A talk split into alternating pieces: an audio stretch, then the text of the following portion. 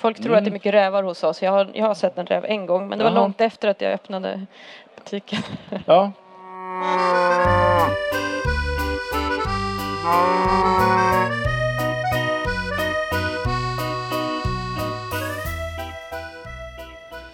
Så har det då till slut blivit dags för ännu ett avsnitt av Ostpodden.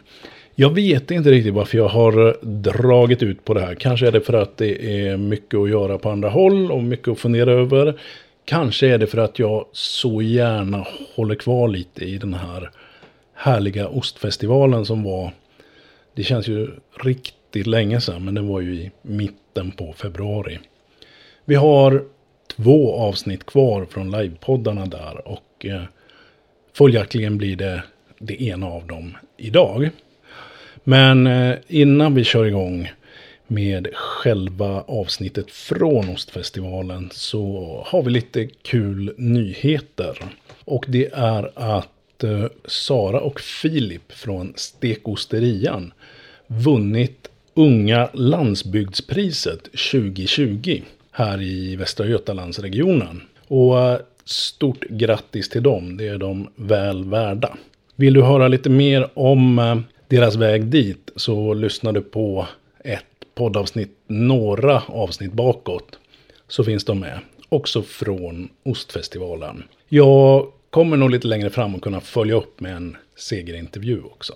Själv har jag varit, när detta spelas in ska jag säga, så är det precis eh, på de sista timmarna av mors dag. Vi har själva firat den uppe i strålande sol, några mil från Göteborg, i Göta på Disponentvillan som körde igång sitt sommarcafé den här helgen. För den som finns i närheten här så kan jag verkligen rekommendera ett besök där i sommar. Och eh, för den som är sugen på sommarcafé och inte befinner sig riktigt i Göteborgstrakten kanske så kan jag bland annat då tipsa om att eh, hos Bredsjö mjölkfår har man inte bara sommarcafé utan man har fått fullständiga rättigheter till i år och med två sommelierer i laguppställningen kan det väl inte bli annat än riktigt, riktigt bra. Och eh, jag citerar Sara från Bredsjö mjölkfår som säger att temat blir lite grann mossigt och tossigt. Vad det innebär det får man väl ta reda på genom att göra ett besök där. Ett annat sommarcafé som har smygrullat igång lite grann har jag sett. Det är det hos Räven och Osten nere i Småland. Och som en ren händelse är det också Matilda från Räven och Osten vi träffar i det här avsnittet av Ostpodden. Som eh, spelades in på söndagen den 16 februari blir det då. På Ostfestivalen i Stockholm. Jag önskar dig mycket nöje med den lyssningen som kommer just precis här. Men eh, då har det blivit dags att säga att eh, det här är Ostpodden live från eh, Münchenbryggeriet i Stockholm och Ostfestivalen. Jag är Johan, men framför allt, det här är Matilda. Och jag tänkte göra precis som jag har gjort med de andra gästerna. Tänkte ge dig en hel minut där du kan göra en eh, snabb liten överflygning över vem du är och vad du gör här. Ja, tack. Eh, jag heter Matilda Johansson och jag driver det lilla mejeriet Räven och Osten som ligger i Småland. Eh, jag gör ost på pasteuriserad komjölk från en granngård så jag har inte djurproduktion själv. Och jag har hållit på i sex och ett halvt år och ystat. Ehm, jag är från början molekylärbiolog och kommer från Stockholm men flyttade till Småland för 15 år sedan. Okej. Har det gått en minut? Ja, vi säger det för att jag har eh, en massa mer att eh, fylla på med. Bra. Eh, jag tänker, du är ju uppenbart inte smålänning. Nej. Det var du inne lite på också. Mm. Eh, så vad, vad hände där? Molekylärbiolog, biolog. Det är till och med det är svårare att säga än ystare. Det tar ett tag, tar ett år att lära sig säga det, Mm. tyckte jag. Och då var det dags att byta karriär sen, Ja. eller? Nej, nej, utbildningen är fyra, fyra år drygt. Ah, Okej. Mm. Men, men vad gör man, vi börjar där, vad gör man som molekylär, mol, som, som du var innan du började ysta? Du kan säga mikrobiolog också, det är Ah, okej. Det är lite låter, samma. Jag ska pröva det. Jag har jobbat som mikrobiolog, så det kan du också använda. Mm. Eh, vad man gör, det är väl i princip en forskningsinriktad utbildning. Jag gick på universitetet i Stockholm och man lär sig om eh, det molekylära livet i celler, alltså molekyler, DNA. Det är det som är biten. riktigt, riktigt litet Ja, väldigt Mhm. litet. i eh, världen omkring oss. Det var lite Ja. för litet för mig, så jag gick upp till mikrobiologi mer. Jag jobbade med det. Mhm. Mikro, alltså, det är ju lite större. Det är Kan, också kan, man, litet. kan man dra en, eh, kan man göra en, en parallell? Var, vad sysslar man med med mikrobiologi? Då? Ja, det är bakterier. Man, ja, man kan ju få hålla på med sjukdomar och forska på det. Eller jag hamnade på att jobba på Astra Mm. i deras eh, produktionshygien heter det. Där man kontrollerar att renheten följs, efterlevs i fabri- fabriken. Okej. Och sen hamnade jag på ett labb här på Söder. Där vi gjorde livsmedels och vattenanalyser, mikrobiologiska och kemiska.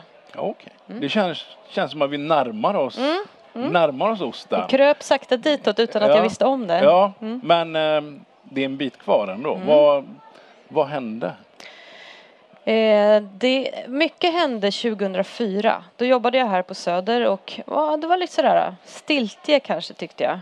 Det hände inte så mycket och jag var lite uttråkad kanske sådär på jobbet. Och jag tänkte jag skulle testa något nytt. Så att jag, och, och just då råkade jag läsa en artikel om en kvinna i Jämtland som driver en getgård. Åsbergets getgård. Ann Klensmeden heter hon. Mm, det är ett namn jag känner igen. Ja, Mm. jo men hon är en gammal räv inom branschen. Jätteduktig och eh, jag hade absolut ingen bakgrund inom någonting med egenföretagande eller hantverk på det sättet eller matproduktion. Men på något sätt så det hände någonting liksom. Jag tyckte det var så himla fint och fascinerande så jag tog kontakt med henne eh, och fick komma dit och praktisera den sommaren. Och då fick jag liksom grunden till både känslan för ost och hur ystning går till och idén att jag själv ville göra det här kanske någon gång. Mm. Men en idé kan ju vara hur bra som helst. Den kan vara fantastisk i tre timmar. Ja. Ibland Jo, men- är den bra även dagen efter. Vissa idéer håller en månad. Mm. Men den här fick ligga liksom i åtta år innan det blev något av den. Så Innan den fick mogna ordentligt. Ja, Mm. okej.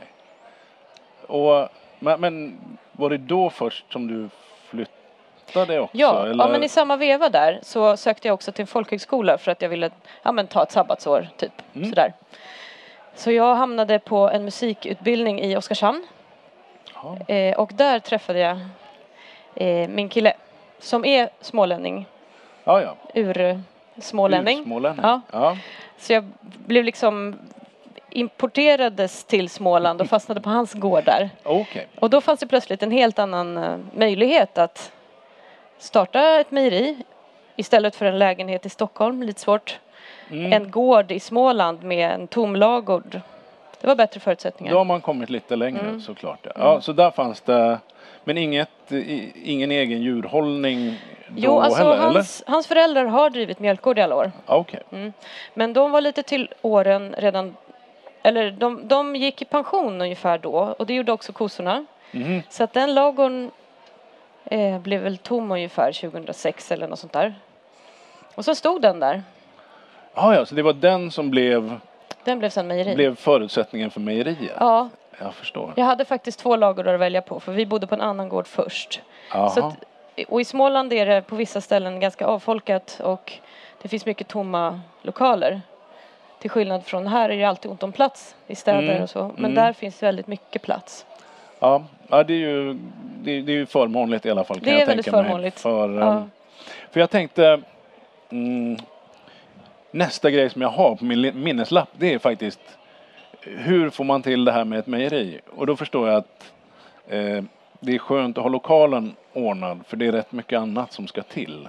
Eller hur? Mm. Ehm, alltså det första är ju antingen så har man ruskigt bra koll eller så är man lite naiv. Och jag var väl inte det första. Utan alltså vet man precis hur mycket jobb det kommer att vara och det ska bli så gör man inte saker. Så, och det var ju jättemycket jobb att bygga ett mejeri och att skaffa prylar och sådär. Men jag det var några saker som hände som gjorde det väldigt mycket lättare. Vi hade ju lokalen, sen var ju den extremt nedgången. Mhm. Så att egentligen hade det nog varit liksom lättare att bara bygga nytt. Ja, okej. Det var... För Ja, men jag fick- tänker så att ibland är det nästan bäst att vara naiv. Är det Ja. inte så? Jo men alltså att- det är väl lite skönt. Ja, jo, men vet man för mycket så. Så, så blir det bara jobbigt. Jo, Ja. men då, då kan man ju sätta upp hinder eller måla upp eh, ett scenario som är kanske sannolikare, men då orkar man kanske inte. Nej. Jag vet inte. Det är jobbigt också att inte förstå innebörden av någonting. Jag visste att det skulle bli jobbigt, men eh, det blev inte, det blev inte värre än, eller det blev inte övermäktigt. Nej. Sen var det jättemycket jobb och jag fick ganska mycket hjälp och, och så, så att det, det gäller ju att man har rätt förutsättningar då. Vi hade lokalen, vi hade, det finns stora bra maskiner på gården som gör det lite lättare. Men vi fick riva ut både golv och innertak och egentligen göra om allting utom skalet. Ja.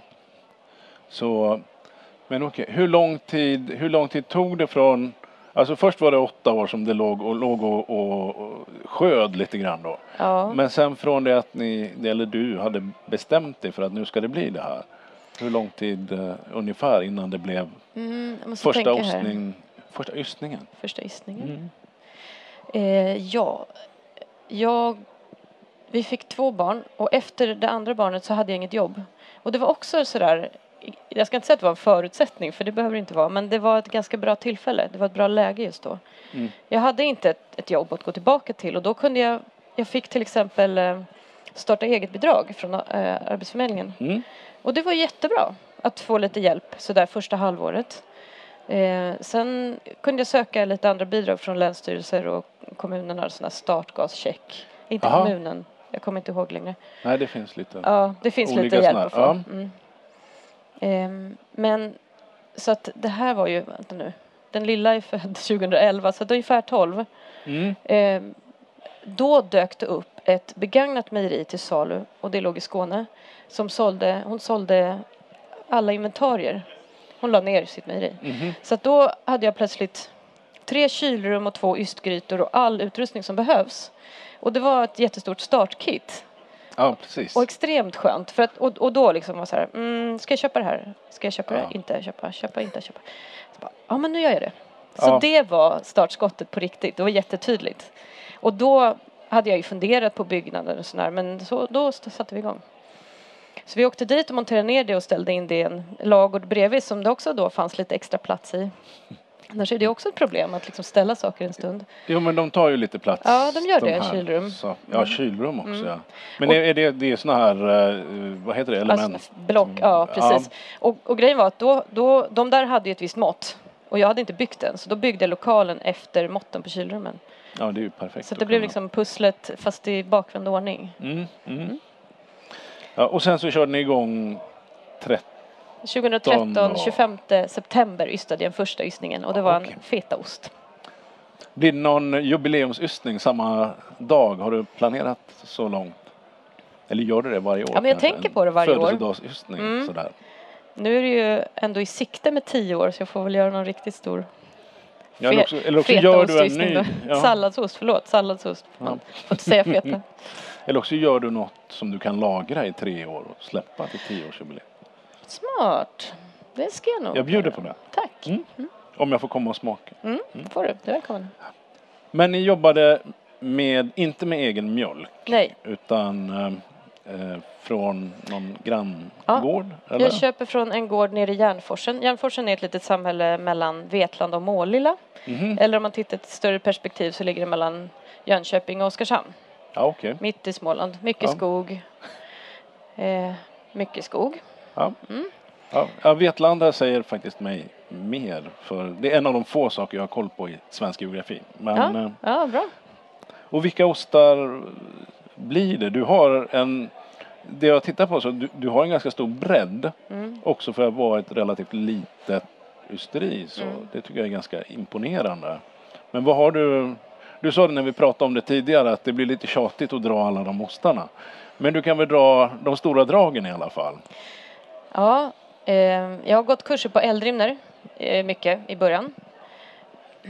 Så att jag har liksom utgått från de ostarna vi gjorde på de kurserna först. Vi fick lite recept, lite recepttips. Sen gör man ju alltid sin egen ost, man har sin egen mjölk och så vidare. Mm, Så att förutsättningarna blir alltid olika var man än är. Men jag hade dem som utgångspunkt, som bas. Ehm, och då började jag med, alltså blåmögel har jag gjort alltid. Ehm, sen har jag och salladsost och vitmögel och en liten kittost har jag gjort från början. Mm. Sen, alltså är man, rikt, är man smart och ska göra ost, mycket ost på ett bra sätt då kanske, då ska, det hade varit bättre att bara göra egentligen en sort per mejeri. Mm. Eller två Mm. eller tre, men alltså det är ju roligare att göra många. Ja, jo. Det är ju kul att göra många sorter. Och se vad som händer. Ja. Och, ja, jag förstår. Så att jag har ju plockat på sorter efterhand. Jag gjorde ganska många från början och de har följt med. De har vidareutvecklat och finjusterat och sådär. Eh, och sen nu senaste de senaste två tillskotten är en mju- halvmjuk kittost som heter Gösta. Mm. Och sen har jag en hård ost som heter Philly Fox som är en cheddrad ost. Den är också Ah. färgad med anatto för att få en lite räv Ja, Lik ja. Nu, look. nu närmar vi oss. Mm. Ja, varför, varför rävenosten? För jag tycker du har sån cool och snygg eh, logo dessutom. Mm. Eh, så, men jag antar att namnet kom först.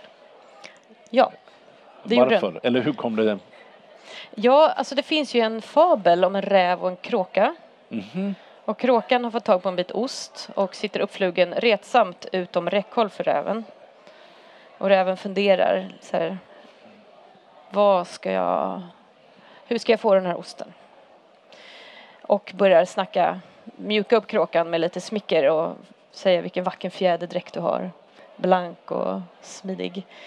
Och kråkan börjar malla upp sig och sen så pratar han på sig där ett tag och så till slut säger han undrar om din stämma är lika vacker som din fjäderdräkt. Mhm.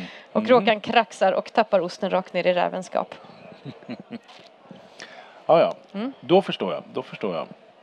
Eh, och på den vägen var det.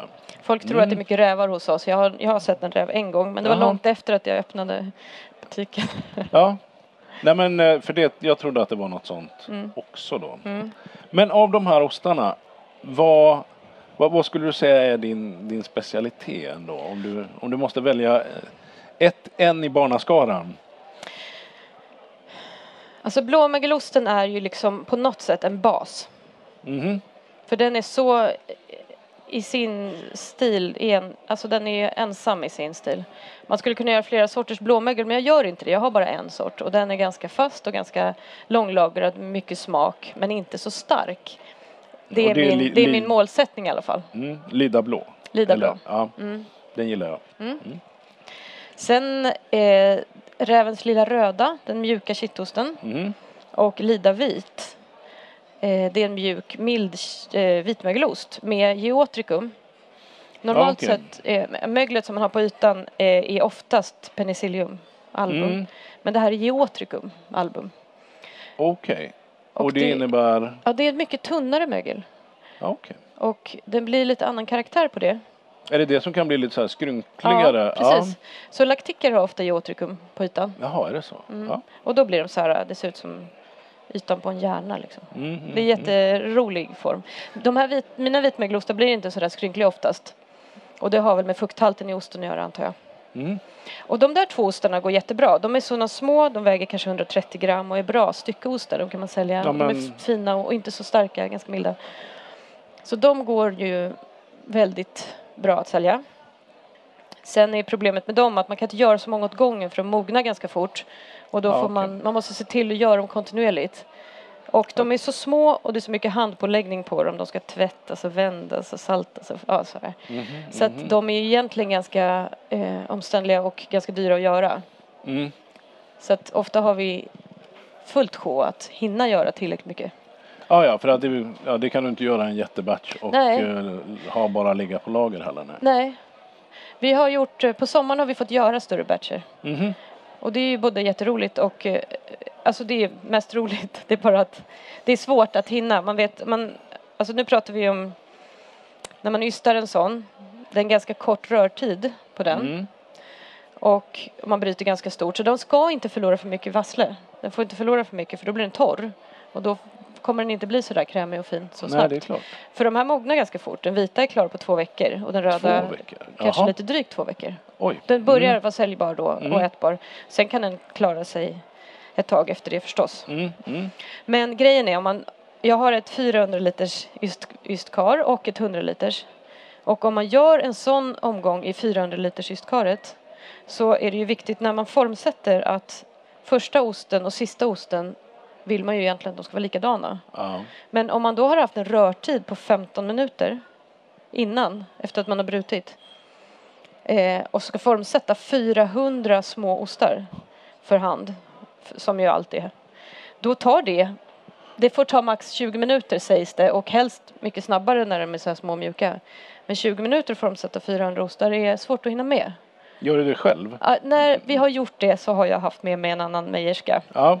och det är liksom en förutsättning. Jag skulle inte jag kunna göra det själv. Jag Nej, skulle det inte våga det. då är man väldigt flink om man ska klara Mm. det. Eller så får man ha sån slags utrustning med styrplåtar och andra grejer som gör att det går fortare. Ja, ja, Men- är det sådana som man bara kan slabba på och sen... Ja, alltså då har man kanske som en plåt med hål i som ligger rakt över ostformarna och så kan man ösa ut ostmassa Mm. på hela och så fördela Ja. det. Det går ju mycket, mycket fortare. Ja, men det har jag sett Mm. någonstans. Ja. Vad, är, vad, vad är utmaningarna med att lyckas med den här? Eh, Alltså de står, det, det är ju tusen moment och bara Mm. en sån här grej som att hinna få i eh, ost i formar. Det är ju en sån sak som jag inte tror att många tänker på. Nej, Men, men vad, är, vad är det stora sådär som gäller att få till tycker du?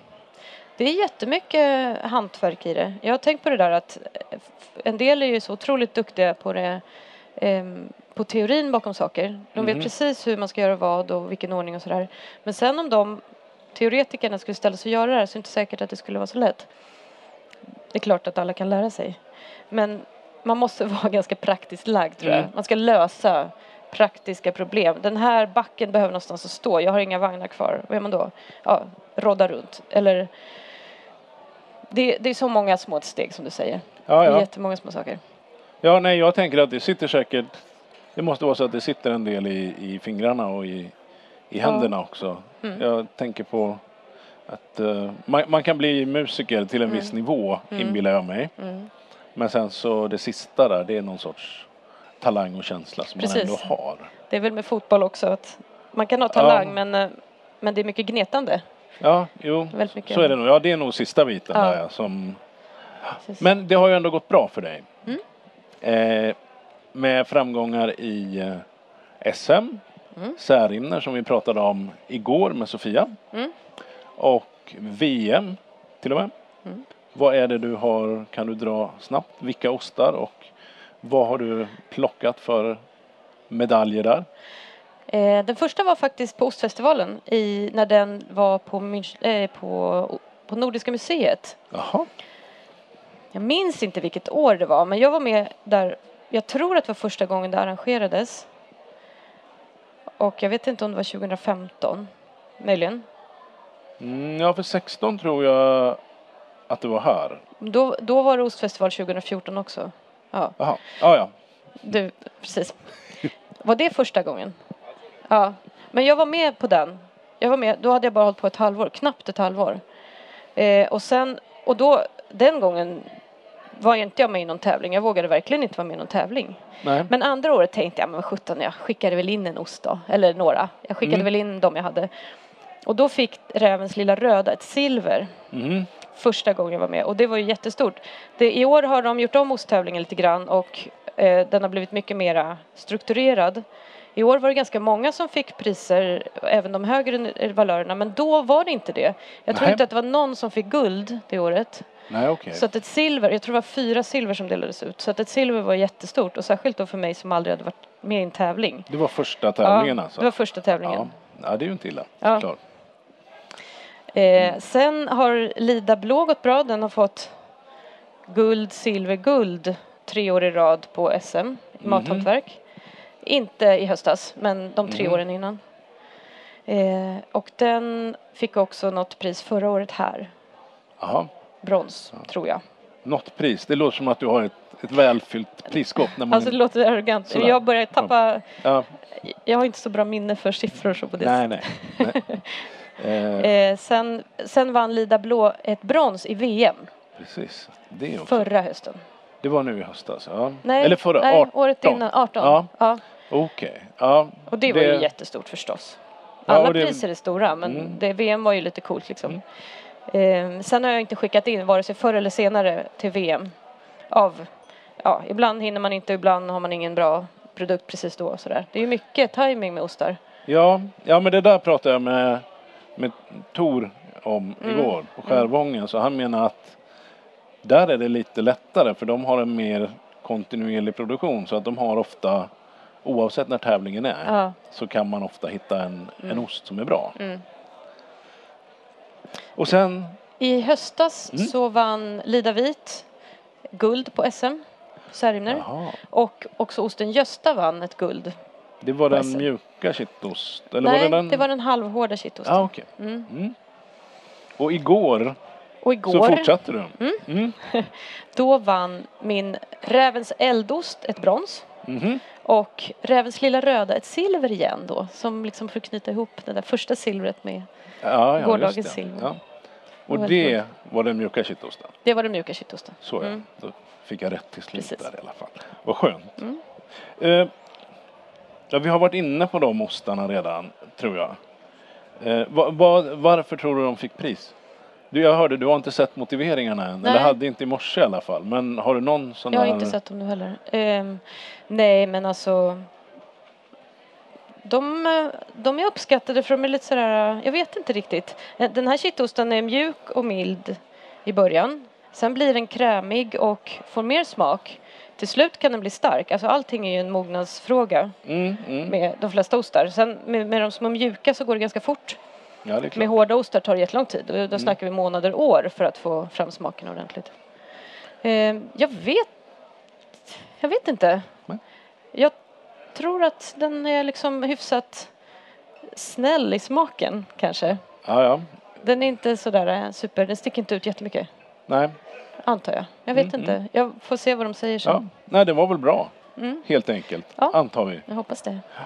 Du har när jag var inne där igår i det rummet som heter, heter ja, där, där många av eh, de, de riktigt Hantverks- hantverksmässiga eh, mejerierna står och det var ett hysteriskt tryck såg Mm. det ut som. Mm. Väldigt mycket folk. Hur har festivalen varit eh, på det stora hela tycker du? Här kommer festivalarrangören. Du kan ju inte säga något annat än... En, eh, nej men precis. Jag tycker Så att nu den går han igen. Nu Ja. kan du säga. Nej men jag är jättenöjd. Det har jag också Mm. sagt till er. Det har varit jättebra arrangerat, jättebra planerat. Och i, det, var jättemy- det var mycket folk igår. Mm. De, eh, men de kom i en stridström jämnt fördelade. Eh, jag hade inte kunnat ta emot fler kunder för att vi hade att göra i alla fall hela tiden. Mm. Mm. Så att visst, man kan väl alltid, ni vill säkert ha fler folk. För att Mm. det, alltså det finns ju, det finns mycket yta här, det finns plats för folk så att det går. Men jag hade inte behövt fler Nej. för, för egen del. Nej. Ja, men vad, ja, det låter ju toppen. Mm. Är det något vi har missat nu? Eh, ska- ja. Det var en sak jag tänkte på när vi pratade om det här med mjölk och jag gör bara osten. Jag gör just bara pro- producerar osten. Mm. Och det har ju att göra med, alltså traditionellt så är det ju så att man producerar mjölken och så för att vidareförädla den eller så, så gör man ost. Och det är ju ett klassiskt sätt men det behöver man inte göra. Och jag köper in mjölk och de jag köper av är jätteduktiga på den. Mm. Och det är ju det som gör att ostarna blir bra. För att grundråvaran måste vara bra. Det är ju A och O. Om Ja, man det börjar klart med en det- kass råvara eller så halvpissig så blir det inte bra. Nej. Så det är en av hemligheterna tror jag. Ja, det är klart. Ja, det Och- börjar... Det är klart det börjar där, ja. Mm. Mm. Och jag tycker också att det är så skönt att jag behöver inte tänka på det. Mm. De som gör det har jag stor respekt för för det verkar vara otroligt. Det är ju jättemycket jobb. Det är ett jobb att producera mjölk Mm. och ett jobb att göra ost. Egentligen är det många jobb inom båda de här grejerna. Så jag ska ju både producera, förädla, lagra, paketera, sälja, städa. Allt. Ja, och då är det skönt kanske att inte ha kor och Då hålla är det reda skönt på att veta att den, att den biten är, är Att bra grundad. Ja. Ja, är det någonting man inte ska missa nu på festivalen? På festivalen? Man, eh, ja. Man kan gärna gå och smaka eldost i våran Sveriges Gårdsmejeristers eldostmonter. Mm. Där eh, presenteras olika sorter vid olika tidpunkter. Det är någon som står och steker sin egen. Mm. Och förhoppningsvis kan man köpa någon om det inte är slut än. Ja, precis. Ja, nu börjar det väl bara. Det tunnar ut lite framåt Mm. söndag eftermiddagen. Mm. Men eh, då, eh, då säger vi att det här har varit Ostpodden. Du har varit tapper. Och ni har varit tappra. Matilda, Mm. tack så mycket för att du har varit här. Tack själv, det var roligt. Sådär, det var Matilda från Räven och Osten nere i Småland. Och det här med sommarkaféer som jag var inne på innan vi fick träffa Matilda. Det är givetvis fler gårdsmejerier som har sådana. Håll koll på dina favoritmejeriers eh, Facebook-sidor. Håll koll på Sveriges gårdsmejeristers webbplats. Så kan du hitta ännu fler ysterier att eh, besöka eller kolla upp om de har sommarkafé eller butik. Och kolla också Eldrimners mathantverksapp.